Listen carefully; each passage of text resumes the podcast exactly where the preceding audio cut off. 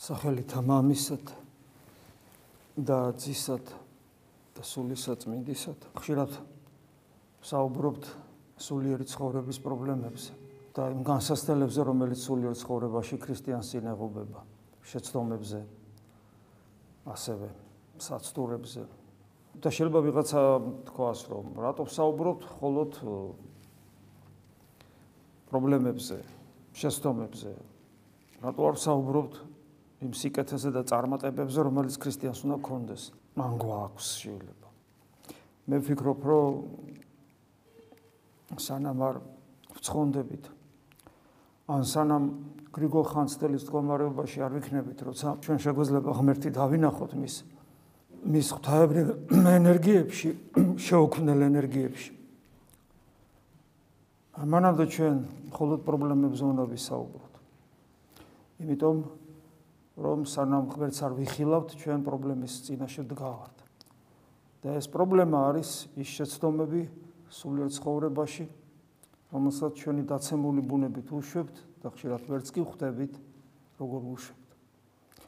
დღევანდელ საკითხავში 60 კულოსის ყოლასალთა მიმართ ეპისტოლედან აღმოვიკითხეთ. ამ ხრივ ბევრ ამ საინტერესოს ნახავთ.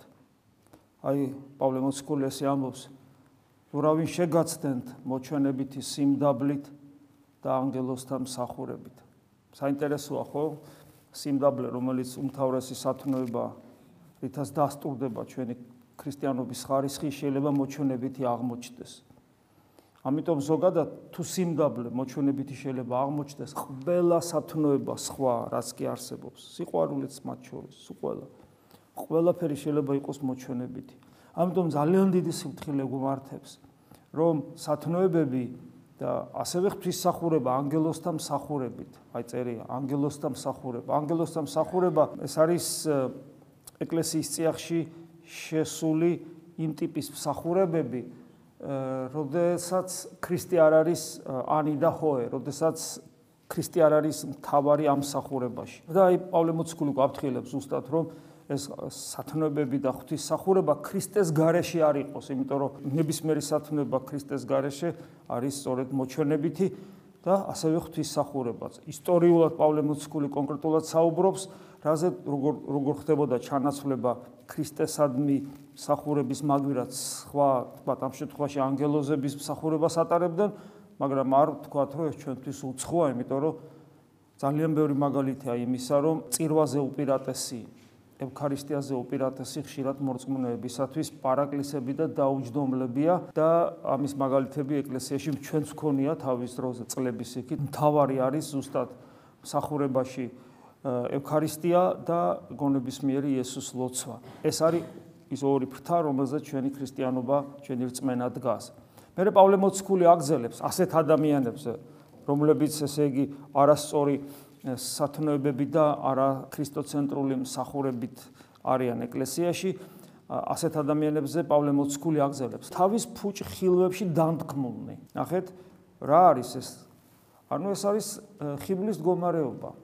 როდესაც ქრისტე გვერდზია გაწეული ჩვენს ყოველდღიურ სულიერ ცხოვრებაში და როცა ქრისტე არ არის მთავარი, მთავარი მაშინ რა არის, უბრალოდ გაუგებარია სიმართლე, კიდე უცებ არც კი შემიძლია თქვა, რა უნდა იყოს მთავარი, როცა ქრისტე აღარ არის მთავარი. მაშინ რა თქმა უნდა, ჩვენი მდგომარეობა ძალიან მოწყვლადი ხდება დემონური ძალებისგან და ჩვენ ხიბლის მდგომარეობაში აღმოჩნდებით. ამიტომ ფუჭ ხილვებში და რაც შეიძლება ამ ფუჭ ხილვებს ну, რა ვიცი, ყოველ შემთხვევაში ჩვენ სასულიერო პირებს, რომლებსაც უამრავი გამოცდილება გვაქვს იმ კუთხით, რომ ძალიან ბევრი ადამიანი თავის სულიერ მდგომარეობას ვიმხელს, ადამიანები სავსე არიან მოჩვენებებით. და ეს მოჩვენებები არ არის აუცილებელი მისტიკა იყოს. ეს მოჩვენებები შეიძლება იყოს საკუთარი პირადი მოსაზრებები, რომელიც საკუთარი დეფორმირებული ხედვა სამყაროს, რომელიც მას ჭეშმარიტებას ჭეშმარიტება გონია და ასევე რა თქმა უნდა მისტიკური, არაჯანსაღი მისტიკური ხედვები, რომელსაც არანერი კავშირი სულის ხონებასთან არ აქვს. როდესაც ჩვენ ვეუბნებით, რომ აი რა აზრი აქვს ამას უყვები, ან ამას ყურადღებას აქცევ. აი მითხარე შენ სულიერ ცხოვრებასთან. შენ რომ გადარჩე, შენ რომ ქრისტესთან იყო, აი ამას რა კავშირი აქვს საერთოდ? ერთადერთი რასაც ასეთი ფუჭი ხილვები ყვებავს, ეს არის საკუთარი ამბიცია, სიამაყე და ამპარტავნები. შემდეგ პავლე მოციქული აგზელებს ასეთ ადამიანებზე და თავისი ხორციელი გონებით ამაოდ galაღებული. რას ნიშნავს ხორციელი გონებით? საკუთარი სიმართლით მაცხოვრებელ ადამიანს, ნიშნავს რომელიც თავდაჯერებულია, რომლის ორიენტირი კლავ და კლავ, როგორც ხშირად ვამბობთ, არ არის გამოცხადებითი ჭეშმარიტება, რომელიც წერილობით ვერბალურად ხელში გვიჭირავს ახალი აღთქმა. და ადამიანი საკუთარ ქრისტიანობას ქმნის, საკუთარ რელიგიას ქმნის. შემდეგ პავლე მოციქული აგზელებს ასეთ ადამიანებზე. ნახეთ როგორ ახასიათებს ასეთები, ვინც განშორებია თავს, ლაპარაკია ეკლესიის თავზე, ანუ იესო ქრისტეს, ანუ განშორებია ქრისტეს, რომლის მეოხებითაც, ანუ თავის მეოხებით დგას მთელი სხეული, სახსართა და ნაწევართაგან შეკრული და შეერთებული. ეს პავლე მოციქული ხშირად იყენებს ეკლესიისა და ქრისტეს შორის ურთიერთობაში აი ამ სიმბოლიკას, სხეულის სიმბოლიკას ისე თქვენ ეს ბევრ ადგილას ეყენებს ამას. და თუ თავთან შეერთებულია, შეკრული და შეერთებული დაუბრკოლებრივ იზდებოდეს უნდა საფრთხო ზრდით, ანუ ღმერთი როზდის სხეულს. და მაგრამ აი ისეთნი წეღარობს საუბრობდი, განშორებულნი არიან თავს. ნახეთ არ ამბობს განშორებული არიან სხეულს. რატომ? იმიტომ რომ ნომინალურ ქრისტიანებზე საუბრობს. თითქოს სხეულში იმყოფება, მაგრამ თავს განშორებულია. სხეულის ნაწილი ვარ ნომინალურად. ეს ნიშნავს, რომ ამ სხეულის ორგანული ნაწილი ვარ და თავთან კავშირი არ აქვს, ქრისტესთან კავშირი არ აქვს. ანუ ჩვენ საფრთხოს დიდ არ ვიზდებით, ადამიანი არ იზრდება. და ეს არის სამწუხარო რეალობა ჩვენ რაც 10 წლეულები გადის ზოგ შემთხვევაში და ადამიანი როგორიც იყო ფათოშორის ბევრი ღვთისმეტყველი ამას ამბობს. სამწუხაროდ ეკლესიის ისტორიას თუ გადავხედავთ რადგენა ისტორია? ჩვენი უახლოეს წარსული ვნახოთ. ხო დავინახავთ რომ იგივე პატრიარქთან მიმართებაში ხო ხედავთ რომ ეკლესიის წევრები უფრო მეტ ტკივილს აყენებენ ერთმანეთს ვიდრე გარეშენი ჩვენ საერთაშორის უნდა მუდმივად ჩავიხედოთ საკუთარ თავში და დაუსვათ ეს კითხვა საკუთარ თავს. თეოდორე რისთვის ახარ შენ ეკლესიაში? რა არის შენი მიზანი აქ ყოფობისა? და როგორც კი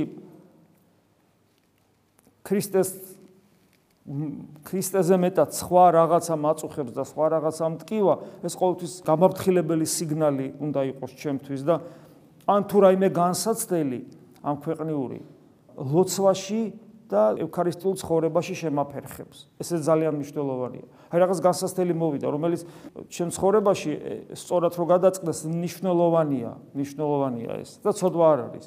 მაგრამ თუ ამ განსასწრელმა ლოცვაში დამაბკოლა და ევქარისტიულ ცხოვრებაში ცხოვრების სურვილი გამიქრო, უგულო გავხდი წირვის მიმართ, უგულო გავხდი გონების მიერი ლოცვის მიმართ, ესე იგი ძალიან სერიოზული პრობლემა მაქვს. ჩემთვის ქრისტე არ არის მთავარი. ეს ძალიან ხილათ ვიყოთ. და დავაკვირდეთ საკუთარ თავს. აგზელებს პავლე მოციქული, თუ ქრისტესთან ერთად მოკვდით ამ ქვეყნიური საწყისისათვის, ამ ქვეყნიური ყოფიერებისათვის, საქვეყნიური ცხოვრების წესისათვის. მაშინ როგორც საწუთროს მკვიდრი, რატომღა მისდევთ მის წესს? ჩვენ ხო მოკვდით ამ სოფლისათვის, როცა მოვინათლენით. ქრისტესთანა დავეფლენით, რომ ქრისტესთან ერთად ავდგეთ და ვიცოცხლოთ. ანუ ამ სოფელს ის გავლენა ჩვენზე აღარ უნდა კონდეს, როგორც ქრისტიანობამდე ქონდა, როცა მოვეკეცით, მე აღარ უნდა კონდეს ის გავლენა. და როცა ისეთი გავლენა აქვს, რომ ლოცვაში ცხელს მიშლის, როცა ისეთი გავლენა აქვს, ეკლესიაში ვარ, მაგრამ საფრთოზდით არ ვიზდები და ქრისტე თვალსაწიერიდან და გულსაწიერიდან უფრო სწორედ დაკარგული მაქვს, მაშინ რა გამოდის? აი პავლე მეუბნება, ესე იგი, ხო ამ ქვეყნის როცა ჩვენ ამბობთ ერის ადამიანი, ერის ადამიანი არ ნიშნავს, ხშირად ადამიანს არასწორად ესმის. ერის ადამიანი არ ნიშნავს რაღაცა ამ სოფელში გათქვეფილ ადამიანს. ერის ამ სოფელში გათქვეფილი ადამიანი არის ეკლესიის გარეთდგომი ადამიანი. ეკლესიის წიაღში მყოფი ერის კაცი საფრთხო იერარქიის ნაწილია და სამღდელო და სამეფო დასია, რომელიც თავის თავში ღვთისმსახურებას უნდა აღასრულებდეს. ერის ადამიანი არ არის ეკლესიის გარეთდგომი ადამიანის მსგავსი, ხო? ამიტომ ამ კუთხით მღდელსა და ერის ადამიანს შორის განსხვავება არ უნდა იყოს. ჩვენ აღარ უნდა მივდედოთ ამასოფლის წეს. ამასოფლის წეს. რას ნიშნავს ამასოფლის განსასწრელი, ამასოფლის საცდური, ამასოფლის წარმატება არ უნდა გვაღელვებდეს უფრო მეტად ვიდრე ქრისტესთან ერთობის თემები და საკითხები. და ასე დროს გამოდის, რომ ადამიანი ორი უფლის მონა, ესეც უნდა, ისიც უნდა. არ გამოვა უფალმა როდის გაგვაფრთხილა ორი უფლის მონა მონა შეუძლებელია რომ იყო ვერ ვერ მოახერხებ ამას ან ერთს და ან ერთს დაემონები, ან მეორეს, ან ერთს უარყოფ, ან მეორეს და როგორ გამოდის შე ხო ვიცით რომ როგორ წესი ქრისტეს ღალატობ. მე პავლე მოციქული აგზელებს ხელს ნუ ახლებ ამასოფლის საკითხებს ეხება ისე. ნუ იგემებ, ნუ შეეხები ნუ რაფეს, რაც იხწნება. კაცთა მცნებებისა და მოძღვრების მიხედვით. ღირებული მხოლოდ მარადიულია.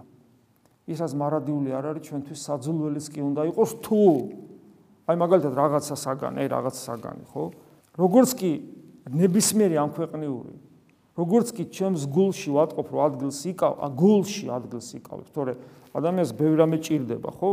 ხორც, ხორცი გვაქვს და ამიტომ, მაგრამ როგორც კი ჩვენს გულში ადგილს იკავებს, იმ წამს მის მიმართ უნდა სიძულვილის განცდა ქონდეს, ბრისხანებით უნდა აღეჭურო. აუცილებელი არ არის ეშმაკი გამოგეცხადოს და რაღაც ცოდვაში ჩაგაგდოს მაინდამაინც.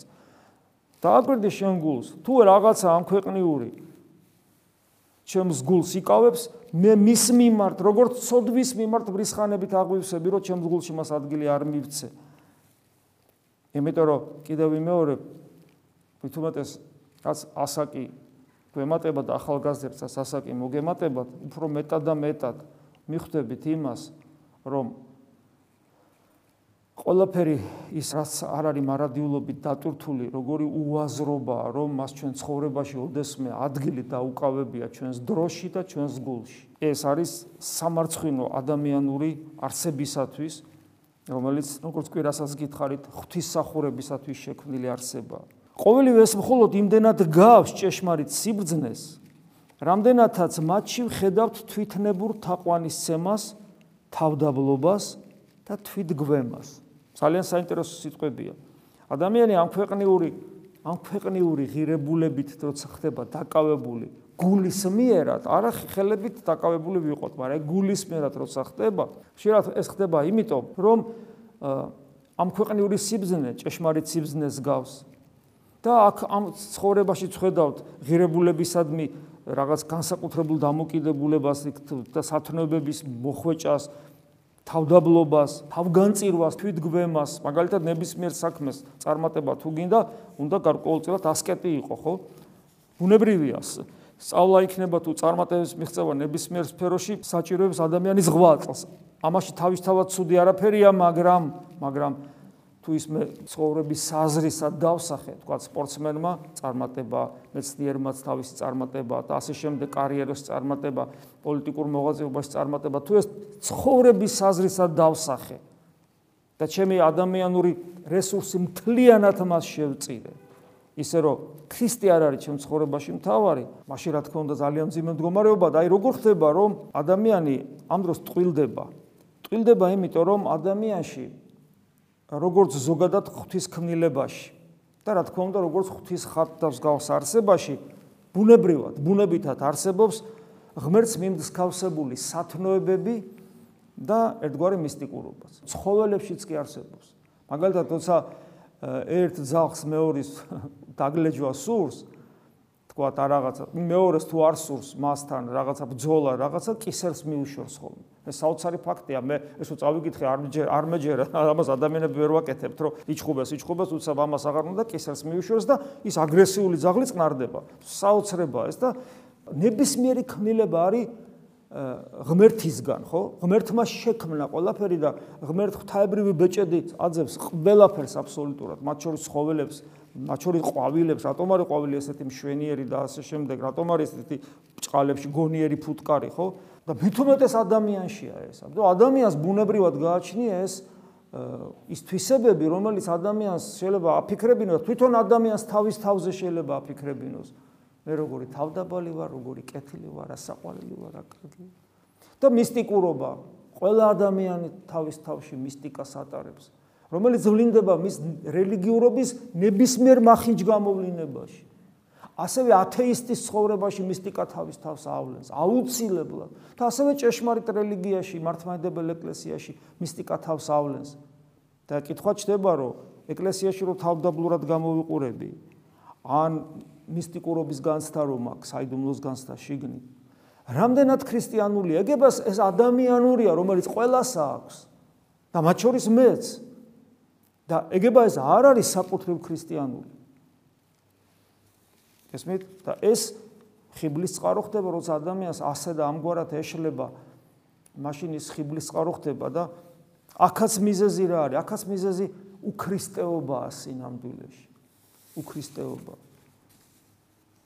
მაგრამ ناყოფი როგორი აქვს ამას ყველაფერს და პავლე მოციქული გვეუბნება, მაგრამ მათ, ანუ ასეთ ბუნებით სიმდაბლეს, ბუნებით სათნოებებს და ადამიანური ბუნებისგან გამომდინარე მისტიკურობას არ შეუძლიათ წინაღუდგენ ხორცელ განცხრომათა სურვილს.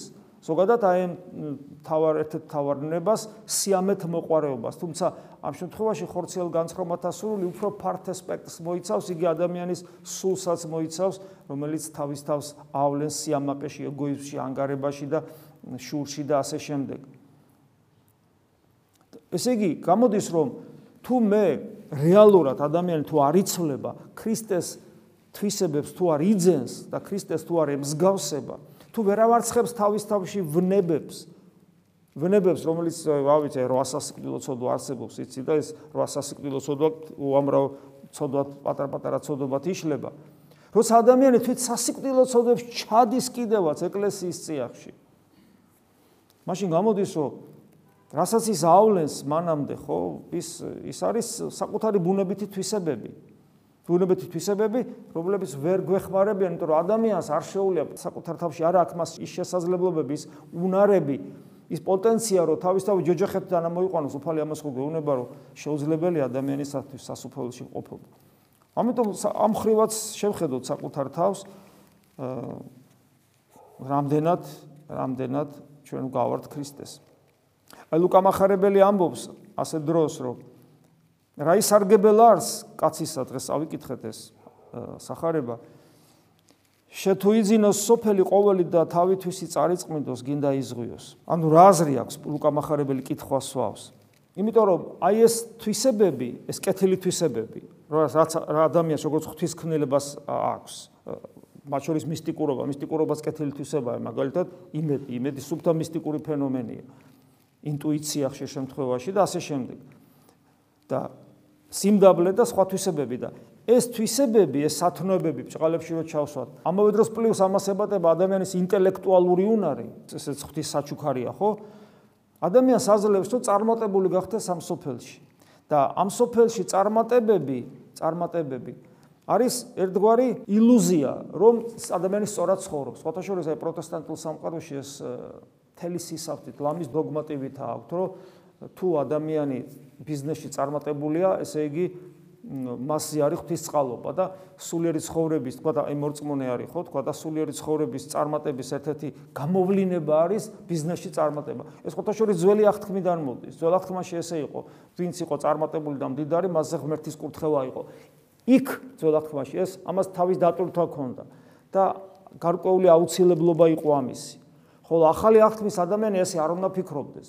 ეს იმას კი ანიშნავს, რომ ადამიანი ზარმაცი იყოს, არაფერს მაქნისი და თავის თელი წარუმატებლობა ამ ქვეყნიური მის სიზარმაციდან გამომდინარე იყოს და უხაროდეს ეს ქრისტეს სულიერად წარმატებული ვარო. ამას კი არ ნიშნავს ეს.